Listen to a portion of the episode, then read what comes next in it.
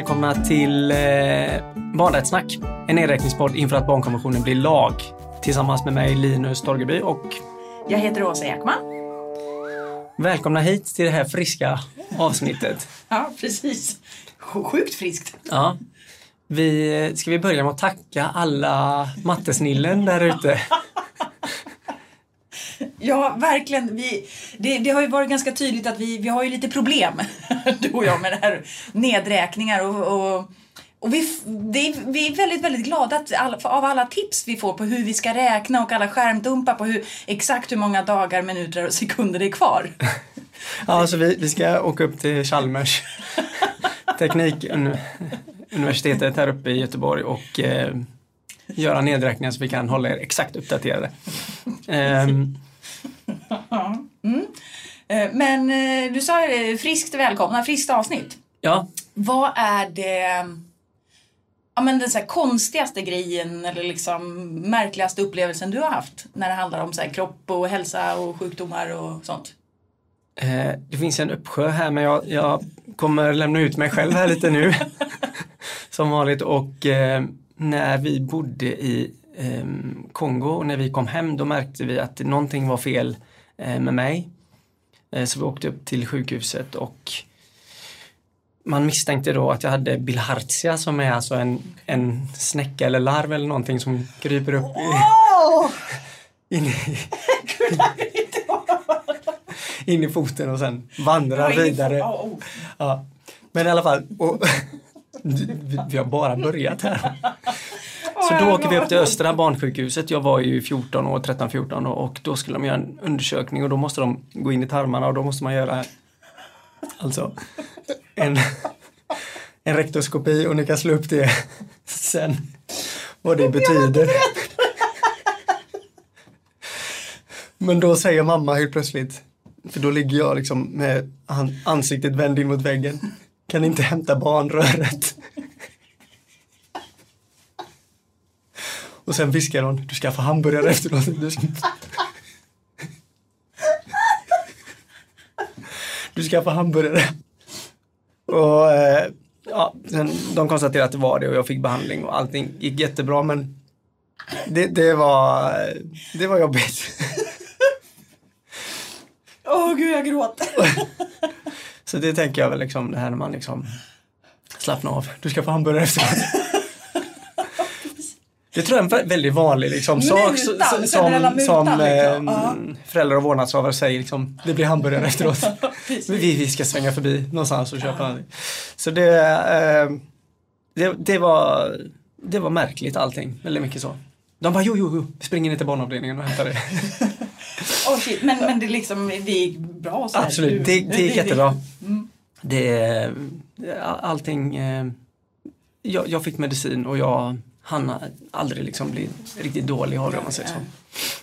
Ehm, Men där var det, jag kan ta, jag kan ta när jag hade mangomask. Det tar jag en annan gång. Ja, men alltså, det är ju något utav, ja men det är lite så här kräkvarning på det känner jag. Ja, alltså, ja. Så, det, det har, ja. Ja, vi kommer lägga en disclaimer här nu vid pre- presentationen innan så att ni som Ja. Jag tänkte, jag hade, ja, precis. på ett sätt är jag glad att du inte förvarnade mig för då hade jag sagt nej, ta inte det. Nej. Och samtidigt så, ja, jag vet inte. Ja. Åh shit, ja. Men Åsa, vad har du? Precis. Äh, mask och alltså sådana grejer har jag aldrig. Sen är det så här, generellt så gör ju min kropp så här, tvärtom mot vad alla andra gör. Men jag tänker, jag, nu när du berättar så kommer jag att tänka på, apropå när du sa det här med hamburgare. Då kommer jag att tänka på, jag var inte, här var fortfarande när vi bodde liksom i Bromma. Så att jag måste ha varit typ så här fem, sex år kanske. Och så var det väl nästan vinter, eller om vintern precis var slut. Och så var det liksom jag och någon kompis hade varit och åkt så här snowracer. Och så var um, och jag tror att kompisens pappa var med eller så var det bara jag. Jag minns inte riktigt men det jag minns är att vi kommer då fram till att vi ska testa en ny grej. Liksom på så här, då är det liksom på vad heter det, trottoarkanten liksom går vi där när vi ska liksom gå hemåt. Och då tänker vi så att ja, men det är inte så roligt att bara sitta på snowracen och så blir dragen liksom helt vanligt sådär Nej, liksom. nej. Och så när du vet när det är lite grus och det går Ja, inte så ja. Ja, så. Så då kom vi fram till det att, åh men vi prövar om, om jag sätter mig liksom med ryggen mot ratten. Så att liksom, ja, det blir ett kul sätt att se, liksom åka baklänges sådär. Det var ju bara att när jag hade satt mig så var ju inte jag beredd på att jag, hade ingen, jag kunde inte hålla i mig något. Jag hade liksom inte hunnit sätta mig ordentligt. Så kompisen då, han liksom kör ju värsta så här spurten liksom, så att han rycker ju till som bara den. Så jag liksom flyger ju av och hinner inte ta emot så att jag sätter ju hakan i asfalten. Ehm, och eh, ja, behöver ju helt enkelt åka in och det var ju bara det att av någon anledning så antingen var inte min, mina föräldrar hemma eller så var det bara någon hemma och så var det massa barn och sånt. Så det slutade med att kompisens pappa fick åka med mig till akuten. Ja. Och det jag kommer ihåg därifrån eh, är att jag hörde när de sydde. Det lät så här Ja. liksom med nålen. Och så fick jag en så här stor äcklig skum delfin efteråt. ja. Det är det jag Och kompisens pappa svimmade inte. Nej jag vet inte liksom jag vet inte varför det var det. Eller liksom, och, och jag var ganska försiktig också så att jag tror att jag sa nog inget utan jag satt nog bara där. Okej, nej men nu får jag väl sitta. Jag liksom, det blöder, liksom, hela hakan är spräckt typ och så bara ja, ja, nej men. Jag fick en delfin i alla fall. Ja. Så ja, det är typ, ja det var kommer jag att tänka på apropå mat, att man alltså blir mutad. Ja. Så. Idag ska vi prata om artikel 24, rätten till hälsa och vård Exakt. och rehabilitering. Precis. Och det är en superbred artikel som ju tar upp så himla många olika aspekter. Ehm, till exempel så säger den just det som du sa, men hälsa, sjukvård, rehabilitering. Eh, liksom, och alla ska ju få ha tillgång till det här. Men det som också är lite intressant att sen säger de ju att eh, listar de ju då ett antal olika saker som staterna ska göra särskilt för eh, det här. Till exempel då minska spädbarns och barnadödligheten, se till att det finns liksom eh, nödvändig hälso och sjukvård och särskilt då primärvård, bekämpa sjukdomar och undernäring. eh, och att det handlar om också om hälso och sjukvård för mödrar före och efter förlossningen. Det är också, tänker jag, en lite intressant aspekt utifrån att allt annat handlar ju om barnet. Här är det, eller ja det är klart det här handlar om barnet också men det, är ändå, det står ändå liksom mödrar specifikt. Men sen är också liksom att alla grupper i samhället ska få tillgång till de här sakerna. Och, och liksom framförallt få mycket information och undervisning om liksom barnhälsovård och så näringslära och sådana saker. Eh, men också förebyggande. Så här föräldrarådgivning och Ja, just det. Och sen den här då som är liksom om skadliga, alltså att avskaffa traditionella och skadliga sedvanor, sedvänjor för barn. Alltså typ kvinnlig könsstympning och sådana saker. Ja, ja men typ lite så. Så den är ju så här superbred liksom. Allt ifrån det förebyggande till liksom det som sker i liksom vårdsammanhang och så, ja. Ja men allt. Och allt kommer vi inte kunna prata om. Nej, och det, och det här är liksom någon slags eh, förlängning av artikel 6, rätt till liv och utveckling. Eh, och vi tänker oss så här att idag så kommer vi inte kunna gå in på alla de här grejerna utan vi kommer fokusera ganska mycket på vård, vård kan man väl säga. Ja men typ så här regionernas ansvar. typ. Regionernas ansvar. Eh, Vårdcentral, tandvård, Mm. sjukhus och så. Eh, Och inte kanske prata så mycket om hälsa och rehabilitering. Eh, För vi känner att eh, hälsa är ju ett eget avsnitt. Ja. Mm. Eh, Men jag tänkte, du sa en, tyckte jag en ganska intressant grej när vi, när vi alldeles precis innan här sa att ah, men det är det här det ska handla om. Så, ja men lite att den här skrevs ju i sin tid liksom också. Just det. Och att det ju på något sätt kan synas lite. Vad var det du tänkte då? Ehm, jag tänker ju att eh, till viss, det, skrevs ju mellan 79 och 89 och då om man försöker tänka tillbaka där, vad var det för, hur, hur, hur såg det ut på jorden då liksom? Det är klart att man kan se många av de här delarna handlar ju om en status som fortfarande liksom är kvar i utvecklingsländer med rent vatten, alltså, alltså det här liksom basala, jättemånga barn dör i, som vi vet, i liksom diarré och sådär. Ehm, och sen är det klart, man kan se också andra artiklar där liksom, alltså vad är hotet mot barns hälsa? Ja men det, det kan vara liksom droger och vissa sådana grejer liksom. Eh, det nämns ju lite grann där kring miljöförstöring och så. Då. Man då, vad var det som var då? Då var det kärn, kärnkraftsolyckor som hade hänt och, och ehm, försurning och sånt. Men ehm, Ja, för det handlade ju specifikt om liksom dricksvattnet, Ja. miljöförstöringen på dricksvattnet och liksom inte annat. Och det är ganska intressant. Ja. Men om man tittar idag, eh, för det är ju så här att när, vi, när, när man ska titta på artiklarna då ska man också försöka göra någon slags nu, hur, vad är hotet mot, mot eh, barns hälsa och så idag, vad, vad tänker vi där? För där får ju Sverige också kritik kring vissa delar.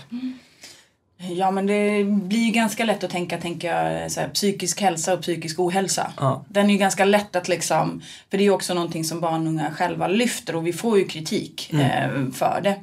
Men jag tänker liksom apropå klimatfrågan, det är ju samtidigt, det är ju verkligen en så direkt hot för livet som väldigt, väldigt många barn och unga lyfter. Jag menar, alltså Fridays for Future liksom. Ja, Hela, känslan av dels barn som lever i, i det faktiska liksom, effekten av, av klimatförändringar och sen också att barn eh, och ungdomar oroas så himla mycket över det. Så. Och sen stress eh, är ju Oh, någonting eh, som, som jag tror kanske inte var jätteaktuellt då men som många säger nu att det är där och orsakar också hälsoproblem och att man får uppsöka sjukvården. Så. Ehm, och sen Ja, japp. Mm. Ja, men och, och det som är med den här artikeln blir ju också att det finns ju vissa saker, vi kan ju aldrig se till att liksom, vi kan ju inte göra så att inget barn blir sjukt. Nej, nej. Alltså sjukdomar finns ju Precis. ändå. Men det handlar ju ändå om att skapa den här hälso och sjukvården som, eh, som ändå gör att barn har rätt till liksom, den bästa uppnåeliga hälsan. Liksom, utifrån de förutsättningarna som finns. Liksom. Det. Ehm, så det tänker jag väl också är en viktig aspekt, att vi kan inte bota alla sjukdomar tyvärr. Nej, och olyckor kan inte 100% förhindras. nej, nej. Eh, Så, utan det, det kommer vara där och, och vården kommer alltid finnas på ett eller annat sätt. Mm. Och eh, sen kommer utmaningarna skifta över tid också.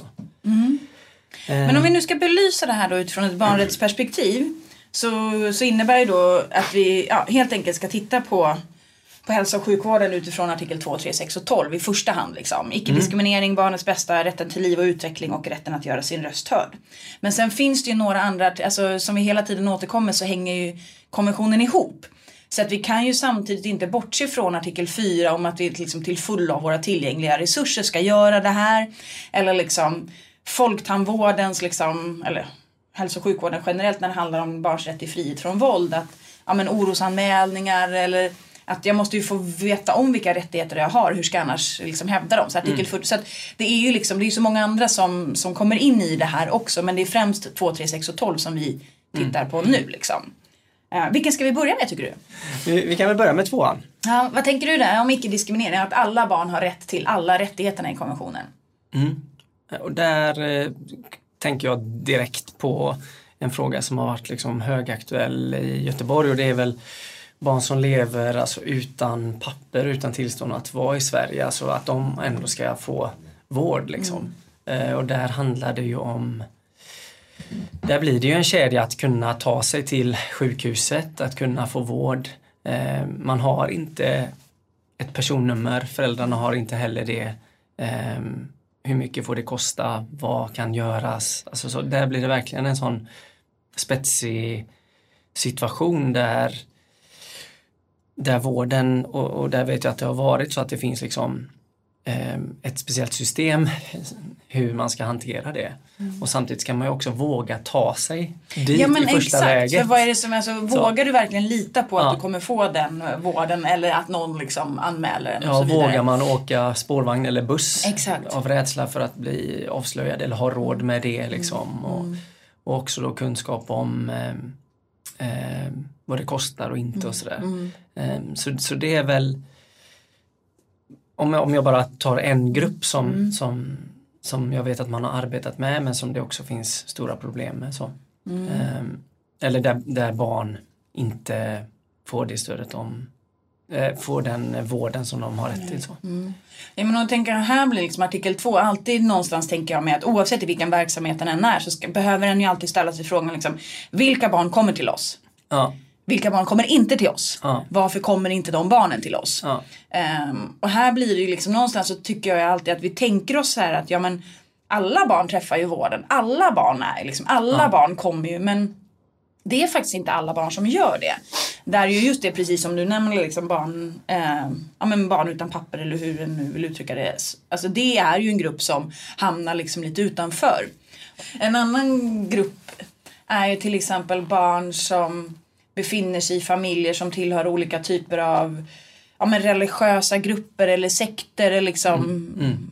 Mm. Um, utifrån liksom hur synen på vård kan vara där. Mm. Till exempel är det så att du tillhör en grupp där, där du kanske ser där karma är en sån jätteviktig faktor i här, din tro så finns det någon form av liksom underliggande skambeläggning på barnen att får du då en allvarlig sjukdom till exempel, ja men då är det ju barnets eget fel. För att då har det varit någonting i det tidigare livet. Mm, mm. Vilket då gör liksom, hur blir benägenheten då att söka stöd och hjälp liksom? Ja. Um, eller att liksom, det finns ju också grupper där, där du inte överhuvudtaget tror på liksom jag menar att du kan drabbas av typ psykiska sjukdomar liksom, eller psykiska, mm. alltså typ depression, alltså att det är mycket, det är ditt egna fel eller det kan botas på något sätt som inte är inom ramen för den traditionella liksom, hälso och sjukvården. Och då tänker jag att de barnen kommer ju aldrig komma dit. Och om Nej. de kommer dit så kommer de ju heller aldrig berätta hur det faktiskt är. Mm. Och det, och det blir ju också både liksom föräldrarnas, om man nu säger så, den, det här exemplet är ju föräldrarnas liksom inställning och sen mm. finns ju också föräldrars förmåga till mm. att, för att ofta är det ju ändå så att um, och det är ändå föräldrar eller vårdnadshavare som tar barnet till en vårdinstitution. Mm. Och det är ju också någonting som vi vet att om inte skolhälsovården funkar och att den ser jätteolika ut som är liksom det andra då den andra personen, om man nu säger så, som sköter barnets mm. liksom, hälsa. Om den är nedskuren på och inte finns då, och, och föräldrarnas förmåga av olika anledningar är sviktande, då mm. blir ju verkligen mm. rätten till hälsa eh, försvagad. Så. Mm. Det jag tänker på är ju också avstånd till eh, specialister eller till sjukhus gör ju också att eh, livssituationen kan se väldigt ja. olika ut mm. Eh, och att, att, barn diskrimineras på grund av det då. Sen är det verkligen så att det finns också instanser som ska stötta upp familjer som kanske då måste resa mm. från ja, någonstans i Sverige till till exempel Göteborg för att genomgå hjärtoperationer. Mm. Men, och då ska det ju vara uppbackning där. Men det berättar ju barn och unga själva just ja. den här enorma skillnaden att om jag har den här vårdcentralen närmast mig, ja men där kan jag typ, om en, det var inte så länge sedan jag hade en träff med ett gäng unga i en kommun som där de sådär helt spontant började prata om just skillnaden, de här, när vi pratade om så här, men vad, vad betyder egentligen det här icke-diskriminering och allas lika värde och mm. sådär. Och så började de själva berätta om, ja men där den ena säger att ja, men för mig det här funkar skitbra. Jag ringer till vårdcentralen, det är typ aldrig någon där. Jag får komma dit direkt. Mm. Och så berättar nästa, va är det så?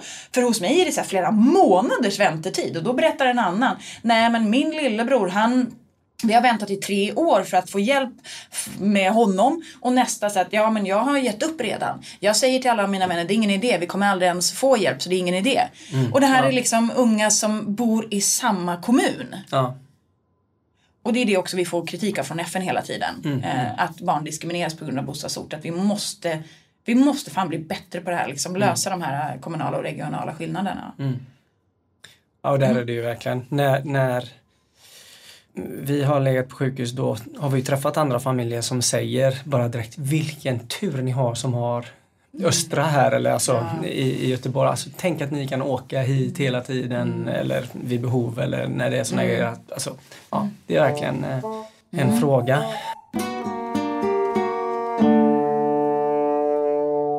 Artikel 3 då, barnets bästa.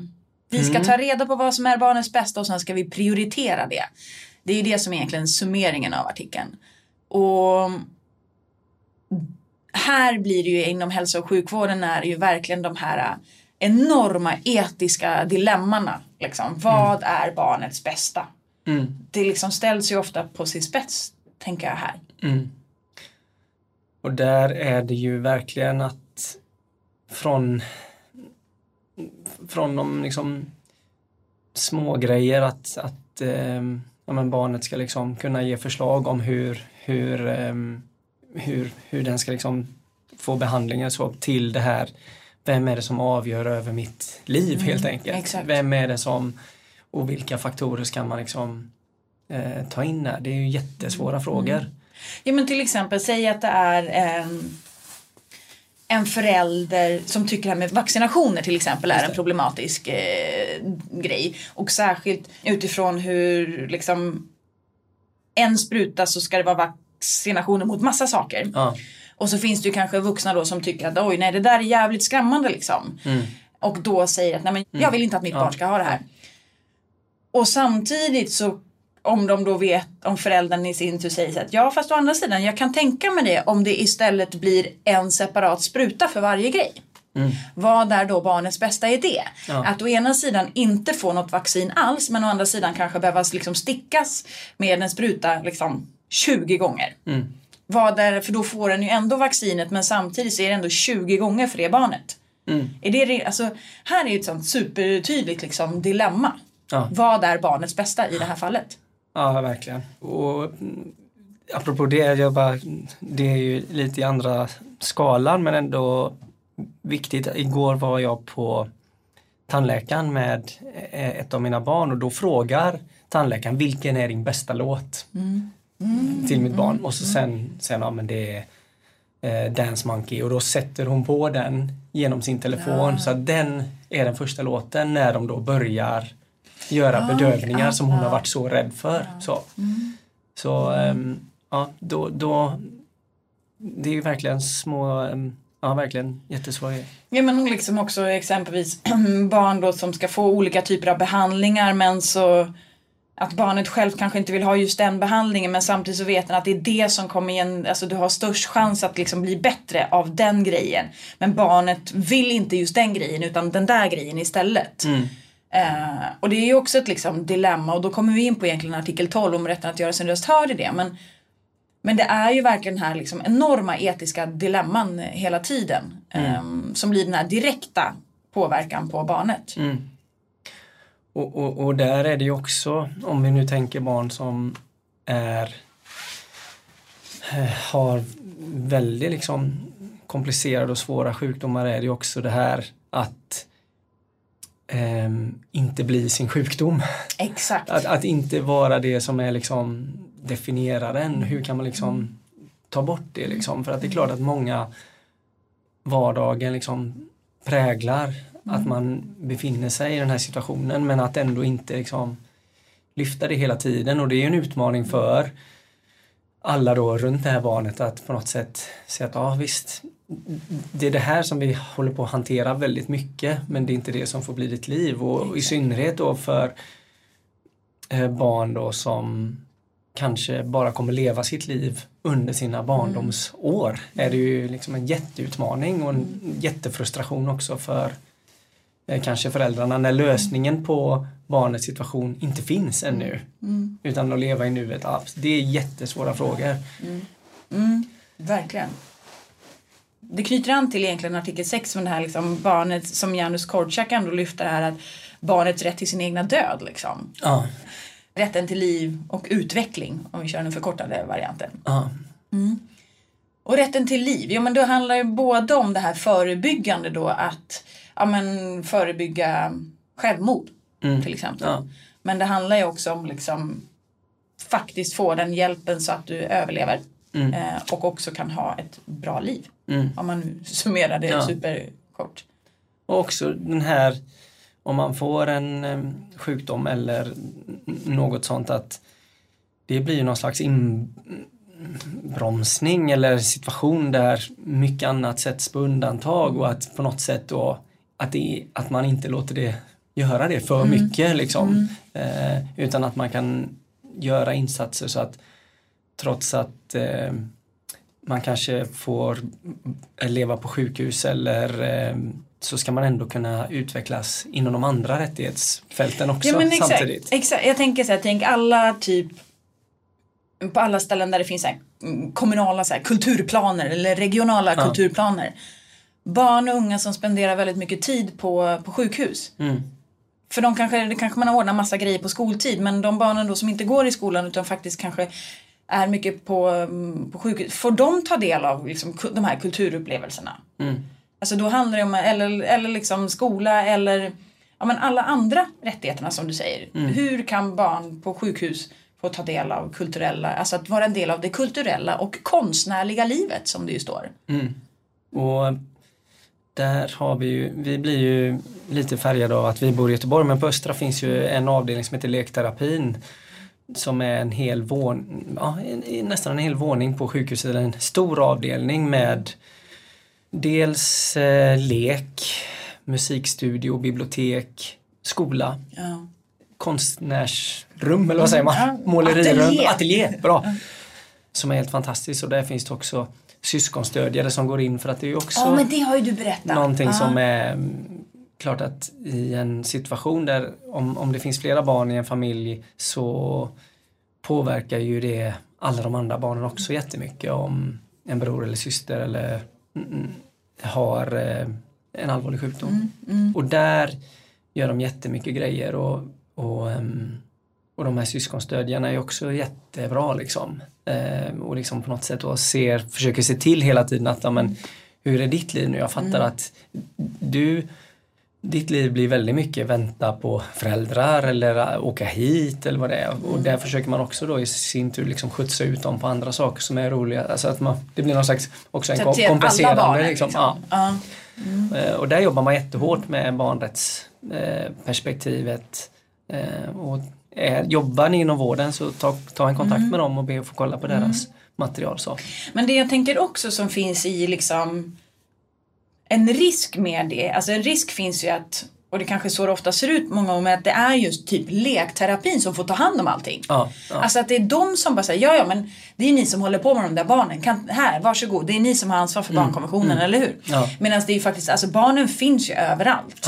Eh, och det tänker jag är väl också en sån eh, grej att faktiskt lyfta på lite olika sätt. Att det är inte lekterapin som ska ha ansvar för att liksom säkerställa barnkonventionen. Nej. Utan det är ju alla. Ja, men och det beskrev eh, personalen där också när, vi, när jag pratade lite med dem att men, våran utmaning är ju att få hela sjukhusbyggnaden som bara innehåller barn då på olika sätt att inse att men vi ska ju alla jobba med barnkonventionen och hur gör vi det här liksom. Så, så att det är inte bara när vår personal då kommer upp på avdelningarna och, och det är inte då som barns rättigheter tillgodoses utan det ska ju vara liksom kontinuerligt i, i, i samtliga liksom beslut och möten och allting så.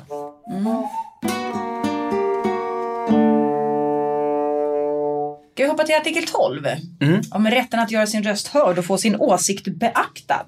Mm. Mm. En grej som jag tycker är lite intressant med den här är ju att jag upplever ju liksom när den är runt om i kommuner så, så är det ganska etablerat att tänka sig åh vi ska ha ett ungdomsfullmäktige eller att vi ska ha ett ungdomsråd eller vi ska ha någon sån grej. det. Det. finns ju även om det inte är alla kommuner som har det. Eh, och, eller att det funkar väldigt dåligt i många eller funkar jättebra i några. Men, men det är ändå ganska etablerat. Men hur många regioner har det egentligen? Ja. Jag tror jag har hittat en som, jag, som har liksom en sån, den här strukturen. Sen finns det ju många som ordnar lite så här barnronder slash trygghetsvandringar slash promenader för att liksom se barns upplevelser av liksom sjukhuset eller vårdcentralen. Men inte de här strukturerade liksom ja, men strukturer för ungas inflytande eller barns inflytande. Det tycker jag ändå är lite fascinerande. Att varför har vi inte det? Mm. Ja, men det är väl Eller har jag bara varit helt blind för det? Nej men det är väl eh, verkligen något man kan fundera på. och Det här handlar ju också om eh, när barn har varit på sjukhus under en, ja det kan vara ett kort besök men också en, en, en längre vistelse där också kanske saker och ting kanske inte har känts så jättebra. Det, det är inte, jag, jag tror aldrig jag varit med om att man liksom återkopplar till barnet och säger ja, men hur blev det här nu, vad var det som gick fel, hur har det här känts, var det någonting som, alltså utvärderingar, Mm, direktutvärderingar exakt, ja. gentemot barnet är inte jättevanliga. Sen till föräldrar kan man, där har vi fått liksom utvärderingslappar men inte vad jag kan minnas Mm. som är direkt riktat till barnet eller så. Så att det finns inte kanske den liksom Ja, det, det finns att göra på den, Mm. på den arenan. Så. Ja men och där tänker jag också det handlar ju mer om än bara när du, eller bara men liksom mer än att vara i den fysiska lokalen liksom. Ja. Att ha, eller i det här i mötet. För det är ju också att hur informerar vi barn att de faktiskt, alltså liksom i en kallelse. Mm vad, vem är den riktad till? Finns, alltså, står det på ett sätt som barn förstår? För är det med liksom, eh, bilder och alltså, hur berättar vi för barnet att nu ska du komma hit och förbereda barnet på att liksom, komma på ett besök hos liksom, tandvård eller liksom in på en vårdcentral eller liksom, sjukhus eller vad det nu kan tänkas vara. Men sen också det som sker i själva mötet. Hur lyssnar vi på barnet där? Eh, ja, men det som du har berättat om någon annan gång där liksom sa, kopp eller spruta. Ja. Liksom. Det kanske kan en förklara på lite olika sätt så att barn kanske hänger med på vad det handlar om. Men sen också då efteråt också det här ja, men uppföljningen. Hur var det egentligen? Så att det är ju liksom men bemötandet är väl någonting som väldigt många barn och unga berättar. Att det kan vara både helt fantastiskt eh, men det kan också vara så jävla pissigt ärligt talat hur vuxna beter sig eh, mot barn. Så det, och det hän- hänger ju väldigt eh, förknippat, starkt förknippat med artikel 12. Ehm, för där kan man ändå säga att ehm, det finns ju ehm, jag tänker på det du har berättat att det finns ju också Min stora dag till exempel, där finns ett ungdomsråd. Som, så det finns Ja. ju också, alltså det finns inte regionråd men det finns intresseorganisationer där barn och unga sitter och funderar på de här frågorna. Så. Ja men och där är det verkligen så, just när min stora dag då, eh, det ungdomsrådet, det är ju liksom unga som ja, men har så sjukt mycket erfarenheter av, av hälso och sjukvården och framförallt av ja, hur vuxna beter sig. Och, eh, jag tänker så här, man- det kommer ju komma någon form av information om utifrån vad, vad ungdomsrådet har kommit fram till. Och jag lovar er, det är så jävla bra. Så det måste folk ha kolla koll på. Men jag kan bara avslöja att det handlar om, ehm, om arga Lisa och glada John. Mer Ja. så kan jag inte säga. Nej, Nej men det är väl jätte eh, viktigt för att det, det, vi pratar ju om vuxenalliansen när vi pratar om våld. För- Och den saken finns ju också i, i, i, i vårdmötet med att det kan finnas en vuxenallians mellan då mm, om, om, man, om ett barn har en vuxen med sig och, Exakt. och liksom läkar eller ja, den som möter dem att det är de två som pratar och barnet inte liksom hamnar Men det är ju samtidigt barnet som har levt i sin sjukdom Ja, då kanske ja. hela sitt liv liksom. Och därmed också har en helt, alltså det är barnet som kan och vet liksom.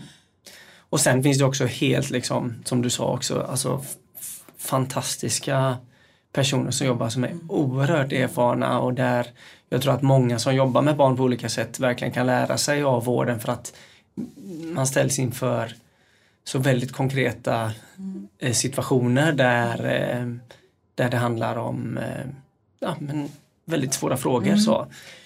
Ja, och jag tänker också så här om man tänker sig då där det kan, där det kan vara både bra och dåligt bemötande men Eh, ja, men tandvården, liksom, folktandvården, barn som kommer. Det är ju, jag tror att det är ungefär 15 procent av barn i Sverige som på olika sätt eh, har tandskräck, alltså tandvårdsskräck och Ja, sådär. ja. Som, ja, helt enkelt där det inte känns bra att vara hos en tandläkare. Och där är det ju också, där blir ju bemötandet så himla tydligt också och också barns det enda sättet, alltså barns motståndsstrategier. Liksom. Ja, men jag, tänk, jag tänker inte öppna mun. Jag tänker inte röra en min liksom, Nej. för att du gör det här och det här och det här. Eller jag är rädd, du har inte skapat den här tryggheten. Liksom. Där blir det ju så supertydligt medan andra saker, där kan ju kanske barn vägra eh, under ett antal tillfällen. Ja. Eh, Medan det kan ju inte barn göra på andra sätt. Bara, Nej men vi kommer sätta den här nålen i dig nu i alla fall för att du måste ha det. Eh, men då kan han ju göra det på ett sätt så att barnet ändå känner sig tryggt. Liksom. Mm. Mm. Hur, hur summerar vi det här då? Nej men att det finns eh, många delar att jo- jobba med och lära sig av. Och mm, någonstans i, i de här situationerna så ställs ju livet på sin spets. Och det gör ju också att det, hamn, det blir väldigt tydliga etiska dilemman eller liksom sådär. Och, och det gäller väl liksom att föra det samtalet ännu mer tillsammans med barn och med de som är i den här situationen. Och, och ja, alla inblandade liksom. Och prata prata mycket om frågorna helt enkelt. Ehm, och vi kan väl ändå bara säga det för det, jag tycker ändå det knyter an så himla mycket till detta, till den artikeln med Stina Wolters sommarprat för er som inte har lyssnat Ja, om det. Gör det, lyssna på det. Beskriver väldigt mycket av ja, men ett barns liksom liv och död i vården. Liksom. Ehm, så. Och barns också, i, i det blir det väldigt tydligt i att jag har behov av att prata om saker Ja. men det finns inte vuxna där som kan kan ta det liksom. Nej, nej, nej. Ehm, ja, verkligen. Ja, men det tycker jag folk ska lyssna på. Mm. Definitivt. Ja, eh, var, det, var det avslutet? Lyssna på Stina Wolters sommarprat. Ja, och, eh, och när ni är på när ni är på en vårdcentral eller på något sätt eller någonstans så prata om de här frågorna. Ställ frågor, det är jätteintressant. Nu har vi inte ens pratat om de så här fysiska byggnaderna. Nej, just det. Nej. Det har vi inte gjort överhuvudtaget men där kan vi också ställa oss alla de här frågorna rent utifrån den fysiska byggnaden. Ja. Men, men det får vi ta någon annan gång. Eller så får vi tänka på det. Eller så får ni tänka på det. Ja.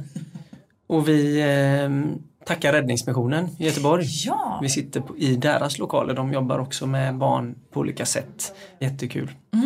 himla fint att vi får hänga här. Mm. Eh, och har ni frågor eller tankar så hör av er. Och, och, och om det är något som vi har eh, inte sagt eller, eller klantat oss med så, så, så hör av er. Så vi är jätteglada när vi får svar på de frågorna och funderingarna vi har som vi inte klarar ut på, eh, på Insta. Ja. Det är jättebra. Det tackar vi så himla mycket för. Har du hämtat dig från introt?